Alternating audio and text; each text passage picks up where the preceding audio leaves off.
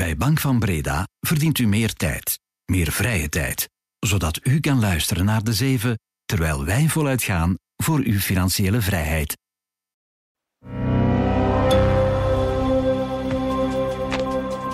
Als je een blad papier verbrandt, dan gaat de informatie erop voor goed verloren. Het enige wat overschiet is een flinterdun laagje kool. Toch? 2000 jaar geleden raakten de rollen van de Herculaneum Papyri-bibliotheek verkoold bij de uitbarsting van de Vesuvius. Een onbetaalbare schat aan antieke informatie ging onherroepelijk verloren. Of toch niet? Deze week onthulde organisatie Vesuvius Challenge dat de eerste vier fragmenten van een ongeopende rol ontcijferd zijn met ongeziene scherpte. Het enige wat daarvoor nodig bleek was een techbons uit Silicon Valley, drie computernerds en een gesofisticeerd algoritme. Ik ben Rowan van Eyck. Welkom bij deze extra 7 over hoe we een informatieschat op verkoold papyrus toch kunnen lezen. Toen ik zag hoeveel tekst ze ontcijferd hadden, fantastisch. Ik kon het niet geloven. the coolest thing ever. Yeah, we're using technology to sort of read this lost information from the past.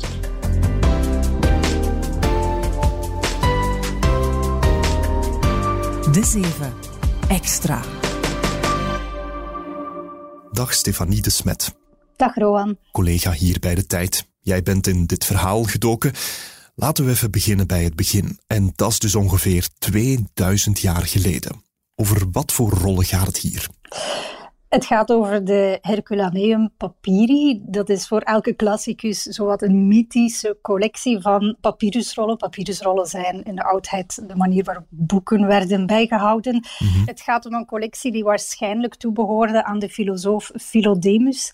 Ze zijn ongeveer 250 jaar geleden bij toeval ontdekt toen een boer een waterput wilde graven. Archeologen hebben ze daarna opgegraven, die papyrusrollen. En de reden waarom ze gevonden konden worden, dat ze dus niet vergaan zijn, is omdat ze toebehoren aan een villa die in het dorpje Herculaneum stond. Herculaneum is bij de uitbarsting van de Vesuvius in 79 na Christus bedolven geraakt onder hete as en modder. En net zoals dat het geval was bij Pompeii, Ja. heeft dat eigenlijk heel veel zaken bewaard. Het goede nieuws is dus, ze zijn er nog. Het slechte nieuws is, ze zijn verkoold. Ja, helaas. En ehm, ja, zijn dat unieke rollen? Stond daar informatie op die je nergens anders vond? Wel, in de oudheid zullen ze zeker niet uniek geweest zijn. En wat erop staat, weten we voor een groot stuk niet. Er zijn wel vermoedens, aangezien het gaat om rollen die door eh, de filosoof Philodemus werden bijgehouden, dat het vooral gaat om filosofische teksten.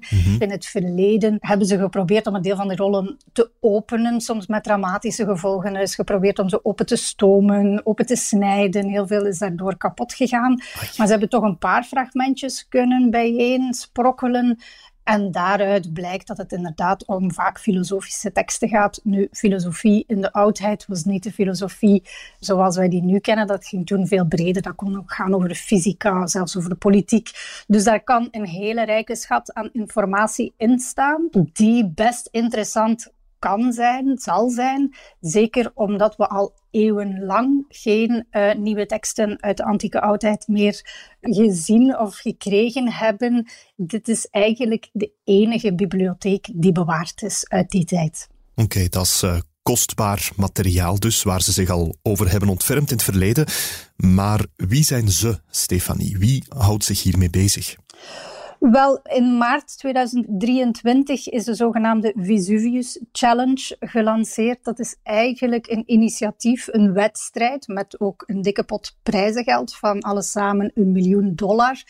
Om eigenlijk de community, de AI-community aan te spreken om te helpen om die rollen te ontcijferen.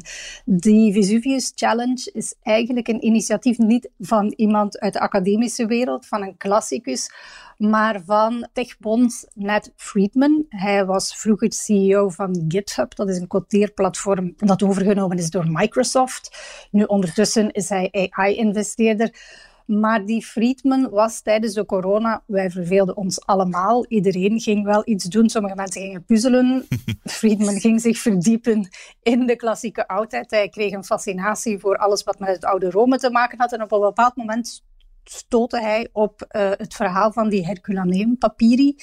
En ook het verhaal dat men vastliep op het onderzoek om die te ontcijferen. En er was wel een vermoeden dat AI kon helpen, maar daar waren de mensen en de middelen niet voor. En Friedman dacht dat hij met die Vesuvius Challenge wel het verschil kon maken. It was the midst of COVID and I just started reading about this and I thought that was incredibly exciting. Like I thought this was like the coolest thing ever. You know, we're using technology to sort of read this lost information from the past. And last year I reached out and it turned out they'd been making really good progress. And um, we got to talking and decided to team up and try to crack this thing. And the approach that we've settled on to do that is to actually launch an open competition. En zo is de Vesuvius Challenge dus geboren, gestuurd door de GitHub-dollars van Nat Friedman. Je hoort hem daar als gast in de Amerikaanse Doorcash-podcast. Rijke mensen zijn meestal saai, zegt Friedman. Ze zouden meer coole dingen moeten doen met hun geld, zoals archeologie. You know, it's amazing how little money there is for archaeology. It's, you know, I think most rich people are boring and they should do more cool things. We hebben ook gesproken met papyrologe Federica Nicolardi van de Universiteit van Napels. The library of the Villa dei Papiri is uh, really unique. Nicolardi is jurylid bij de Vesuvius Challenge. Ook zij zegt dat de bibliotheek die ze hebben gevonden in Herculaneum heel belangrijk is. Everything we have in the collection is completely new. We don't have it from other sources. We don't have it elsewhere. And it's something that we are reading directly from the source, so directly from the papyrus itself. And that's really unique. Het gaat dus om teksten die we nog nooit hebben gezien, rechtstreeks van de originele bron. En Stefanie, die organisatie, die Vesuvius Challenge, heeft deze week dus een pommetje gedropt. Absoluut. Algemene sensatie in de wereld van de klassici. Want wat blijkt nu, de opdracht die uh, de Vesuvius Challenge zich gesteld had, namelijk tegen het einde van het jaar 2023 vier fragmenten van ongeveer 140 tekens. Dat is, om een idee te geven, de, de lengte van een vroegere tweet. Om die te ontcijferen. Sommige mensen waren daar heel sceptisch over of dat mogelijk was. En deze week is bekend geraakt dat er wel degelijk een winnaar is. Drie winnaars eigenlijk, hm. die daar dus in geslaagd zijn. Meer dan dat, ze hebben zelfs meer dingen kunnen ontcijferen dan die vier fragmenten. Oké, en wie zijn die drie winnaars? Het zijn drie jonge studenten, één Amerikaan, een Egyptenaar en een Zwitser. Begin van een goede mop. um, om een beetje terug te gaan in de tijd, die Vesuvius Challenge is dus in maart gelanceerd. Het idee was dat er verschillende tussenstappen waren tussen opdrachten die konden gewonnen worden. En die drie verschillende deelnemers hadden wel een aantal van die tussenopdrachten al gewonnen. Zo had de Amerikaan Luke Farritor, een 21-jarige computerwetenschappenstudent die ook stagiair was bij SpaceX, had hij in oktober al het eerste woordje ontcijferd op die papyrusrol. Farritor heeft dan de krachten gebundeld met die twee andere deelnemers om een turbo te zetten op hun onderzoek, want het was dus wel een race tegen de klok. Tegen eind december moesten hun beelden binnen zijn. Mm Zij waren een van de 18 inzendingen die dus iets op die papyrusrollen gezien hadden, maar ze waren veruit de beste. En zij hebben dus de hoofdprijs gewonnen van 700.000 dollar. Goed, dat zijn dus onze drie heroïsche en sinds deze week ook weer iets rijkere computernerds. Uh, nu, om even nog eens op punt te stellen wat ze precies gedaan hebben, Stefanie. Ze zijn er dus echt in geslaagd om handgeschreven tekst te reconstrueren van op een strak opgerold en verkoold stuk papyrusblad. Absoluut. En je houdt het niet voor mogelijk als je zo'n foto ziet, een beeld ziet van hoe zo'n verkoold perkamentrolletje eruit ziet, dat is echt precies zo'n um, een dingetje dat achterblijft in de kachel als het vuur is uitgegaan. Hm. Dat daarop nog tekst te zien is, dat is een, een, een onwaarschijnlijk staaltje van technologisch vernuft. Zeg dat wel, want intuïtief zou je denken dat daar ja, niets meer van te redden valt. Hè? De eerste opgravers hebben blijkbaar ook een deel van de rollen gewoon weggegooid, omdat ze dachten dat het ordinaire kolen waren, vertelt Nicolardi. They thought they were something like burn cloth or nets or just wood pieces or just charcoal. And so they threw away a lot of scrolls. Hmm, doodjammer natuurlijk. Maar veel rollen zijn dus wel intact gebleven. En je kan niet aan de verbazing en het enthousiasme voorstellen dat uit die ontcijferdoorbraak voortvloeit vanuit de academische wereld.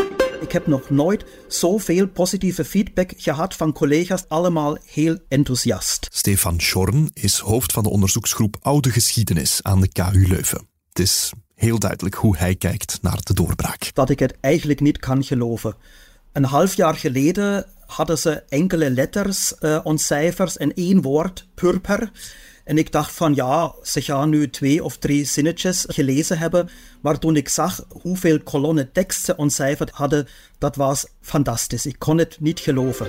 En ook Federica Nicolardi kon haar ogen niet geloven. So when I first saw the images, I was really shocked, really surprised. Toen ze de weergaves van Faritor, Nader en Schillinger zag, onze drie sternerds, weet je nog, dacht ze dit zal ons toelaten om de hele collectie te ontcijferen. Because you can see very clearly the letters and also the layout of the text. And that, that was really amazing. And this is something we could apply to other scrolls in the collection. And we'll be reading everything very soon.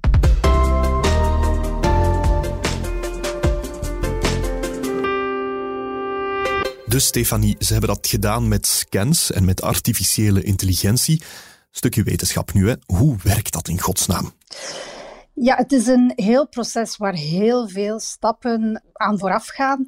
Het begint eigenlijk met een techniek die een Amerikaanse professor computerwetenschappen al een paar jaar geleden ontwikkelde en dat heet virtual unwrapping, eigenlijk virtueel openrollen van een beschadigd handschrift. Mhm. Die professor, Brent Seals, is trouwens een van de partners van de Silicon Valley Bonds, uh, Nat Friedman, in de Vesuvius Challenge.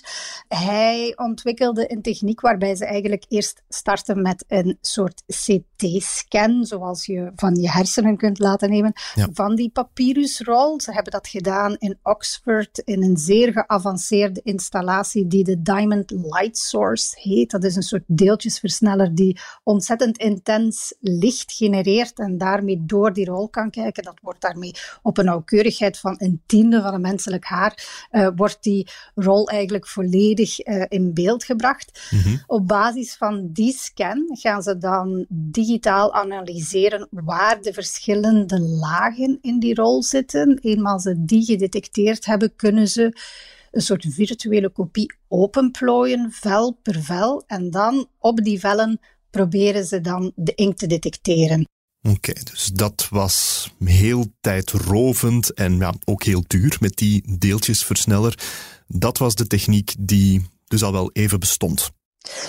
Ja, Seals heeft die techniek met succes toegepast in 2015 op een oud-Hebreeuwse rol, de Engedi. Hij heeft toen ook die tekst daarop kunnen lezen alleen. Hij wou dat ook doen bij de Herculaneum papyri. Het probleem is daar dat de inkt die gebruikt is op die papyrusrollen ook koolstof gebaseerd is. Het gevolg is dat op dat verkoolde oppervlak die inkt eigenlijk ja, onzichtbaar is geworden of verdrinkt in het hele verbrande oppervlak. Dus zijn techniek daar werkte niet. Hij had wel een vermoeden dat artificiële intelligentie dat probleem kon oplossen, maar tot die Vesuvius Challenge waren daar eigenlijk de mogelijkheden niet voor. Nee, maar nu dus wel. Nu kan AI worden ingezet om die onleesbare, verkoolde papyrusrollen toch te lezen. Ja, wat het drietal dat de prijs nu heeft gewonnen eigenlijk heel goed heeft gedaan. Zij zijn gaan kijken met machine learning naar kleine scheurtjes, krakelures in die digitale versie van uh, die papyrusvellen. En op basis daarvan konden ze inkt en letters detecteren. Hoe meer ze van die krakelures konden ingeven in hun systeem, hoe performanter het werkte. En zo hebben ze uiteindelijk de verschillende woorden, 2000 karakters zijn er in totaal gedetecteerd, kunnen wij insprokkelen. De technologie staat voor niets meer, maar wat valt er nu te lezen op die ontcijferde rollen verkoolde papyrus uit de collectie van Philodemus Stefanie? Het zijn flarden, dus daar vallen nog geen grote inzichten uit te distilleren. Hm. Maar wat wel heel duidelijk is, het is inderdaad een filosofische tekst. Wat de Italiaanse papyrologe Federica Nicolardi mij vertelde, was dat het woord hedone, dat is genot, heel veel voorkomt in de tekst die ontcijferd is. Genot is een heel belangrijk woord in het epicurisme, een filosofische stroming uit de oudheid. Dus het is zeker een epicurische tekst. De auteur wellicht Philodemus zelf mhm. geeft voorbeelden van wat genot verschaft. En dat kan het kleur paars zijn, dat kan muziek zijn, dat kunnen kappertjes zijn, blijkbaar. Hij argumenteert ook dat het voor het beleven van het genot niet uitmaakt of er veel van die kappertjes of dat kleur of die muziek uh, beschikbaar is. Dat eigenlijk niet omdat iets schaars is, dat het meer genot verschaft. Um, dus er zijn een aantal dingen die naar boven komen die er wel op wijzen dat het een filosofische tekst is, maar grote conclusies vallen daar nu nog niet uit te trekken. Het is maar een klein fragmentje van een rol die ontcijferd is. Daarvoor moet er nog veel meer um, natuurlijk blootgelegd worden. Ja, en de verwachtingen daar rond zijn hoog gespannen, hè? want blijkbaar kenden we de teksten van Philodemus al wel, maar dat is dan vooral dankzij andere auteurs, zegt professor Schorn van daarnet. Dus het gaat waarschijnlijk om teksten van de epicurist Philodemus, we kennen die werken vooral door citaten bij latere auteurs. Dus we lezen eigenlijk vaak de werken van de epicuristen door de bril van latere filosofen, die niet altijd goed gezind waren met die mensen. Dus vandaar is het ongelooflijk belangrijk dat we ook een zo groot mogelijk aantal originele werken kunnen lezen. En dat is nu hier ja, uh, het geval. Dus er gaan hopelijk uh, nog vele uh, werken bijkomen die we tot nu toe niet hebben kunnen lezen. Het origineel is natuurlijk nog altijd beter dan de kritische recensie. En naast filosofische teksten zitten er misschien ook een paar bij in de collectie die ons echt meer leren over het leven van toen, in de oudheid biografische werken dus. We weten dat Philodemus ook historische belangstelling had. Dus hij heeft ook uh, historische werken geschreven, biografieën vooral, van andere filosofen. Die zijn vandaag ook niet meer bewaard. Dus ik als oud-historicus hoop toch dat we een aantal historische of biografische werken nog uh, gaan vinden. Van onschatbare waarde dus, die vondst in Herculaneum en met nog heel veel onontgonnen potentieel. Hoe gaat die Vesuvius Challenge nog verder, Stefanie? Ja, het zou geen initiatief zijn vanuit Silicon Valley als het niet groots werd gezien.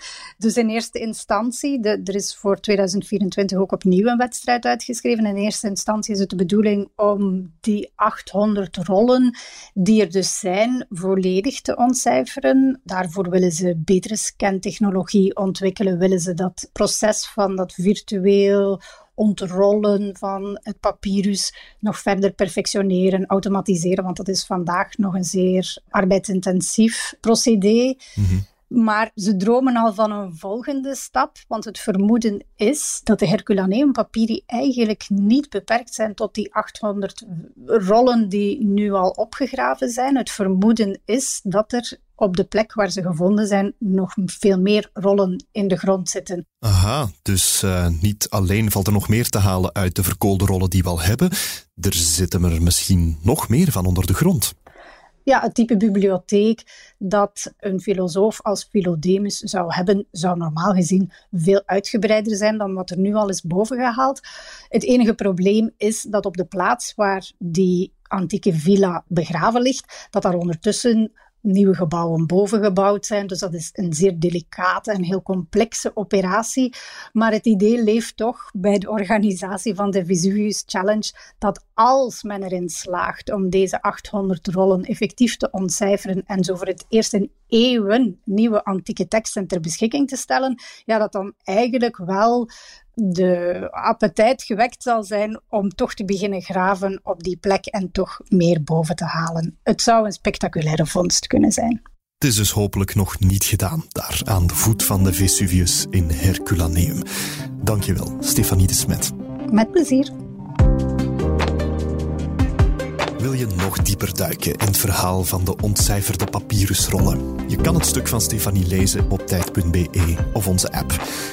Voor nu, bedankt om te luisteren en heel graag tot de volgende. Dit was de 7 Extra met Roan van Eyck. Voor meer business en straffe nieuwsverhalen, check tijd.be of onze app.